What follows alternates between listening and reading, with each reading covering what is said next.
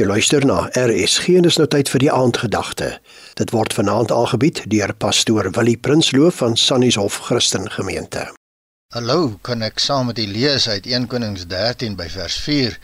Net toe die koning die woord van die man van God hoor wat hy teen die altaar in Bethel uitgeroep het, steek Jerobeam sy hand uit bo van die altaar af en sê: "Gryp hom." Maar sy hand het styf geword sodat hy dit nie weer kon terugtrek nie en die altaar is uitmekaar geskeur en die as is van die altaar afgegooi volgens die wonderteken wat die man van God aangekondig het deur die woord van die Here. Ons het geleer dat die oersonde ongehoorsaamheid is. Vandag wonder ek of dit nie twyfel is nie. Eva se eerste reaksie op die duiwelse versoeking was twyfel.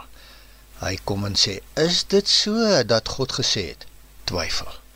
In 1 Konings 13 kry ons 'n jong, onverskrokke, entoesiastiese profeet wat die politieke gesag van sy tyd uitdaag. Hy spreek 'n klomp profeseë uit. Daag die koning uit. Die koning steek sy hand uit, word styf. Die profeet genees die hand en agterna kom 'n ou profeet en laat hom twyfel oor die woord van die Here. Twyfel. Die Sukkotfees, die fees van die tabernakels, het die mense die gewoonte in die Bybel gehad om die boek Prediker te lees, want die woord te vergeefs in die boek Prediker het te doen met twyfel. Twee harte, 'n hart en 'n hart, dubbelharte.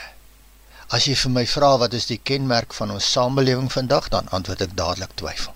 Twyfel oor die toekoms, twyfel oor die verlede, twyfel oor my lewensmaat, oor kinders, ouers, selfbeeld, wie jy is, wat is jou doel op aarde? Wat is die waarheid oor alles? Twyfel, twyfel.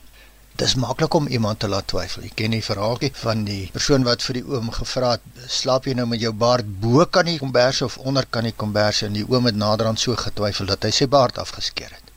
Jy twyfel of jy die stoof afgesit het as jy in die kerk sit. En in die vlieëniersopleiding leer hulle die jong loods dat as jy besluit het om 'n noodlanding te doen, dan moet jy nooit van plan verander nie. Jy moet deurdruk. Want as jy twyfel en 'n ander plek soek, is jy dood as slegte dinge met jou as gelowige gebeur, is die een ding wat die duiwel op jou skouer kom sit en doen is om jou te laat twyfel. As dinge nie uitwerk soos jy gedink het nie. Geloof staan direk teenoor twyfel. Bid sonder om te twyfel. Markus 11:23, Jakobus 1:6. Hy wat twyfel as hy eet is reeds veroordeel, sê Romeine 14:23.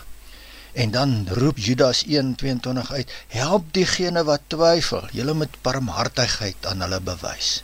As die Heilige Gees jou oortuig, dan is dit met 'n diep wete hier binne.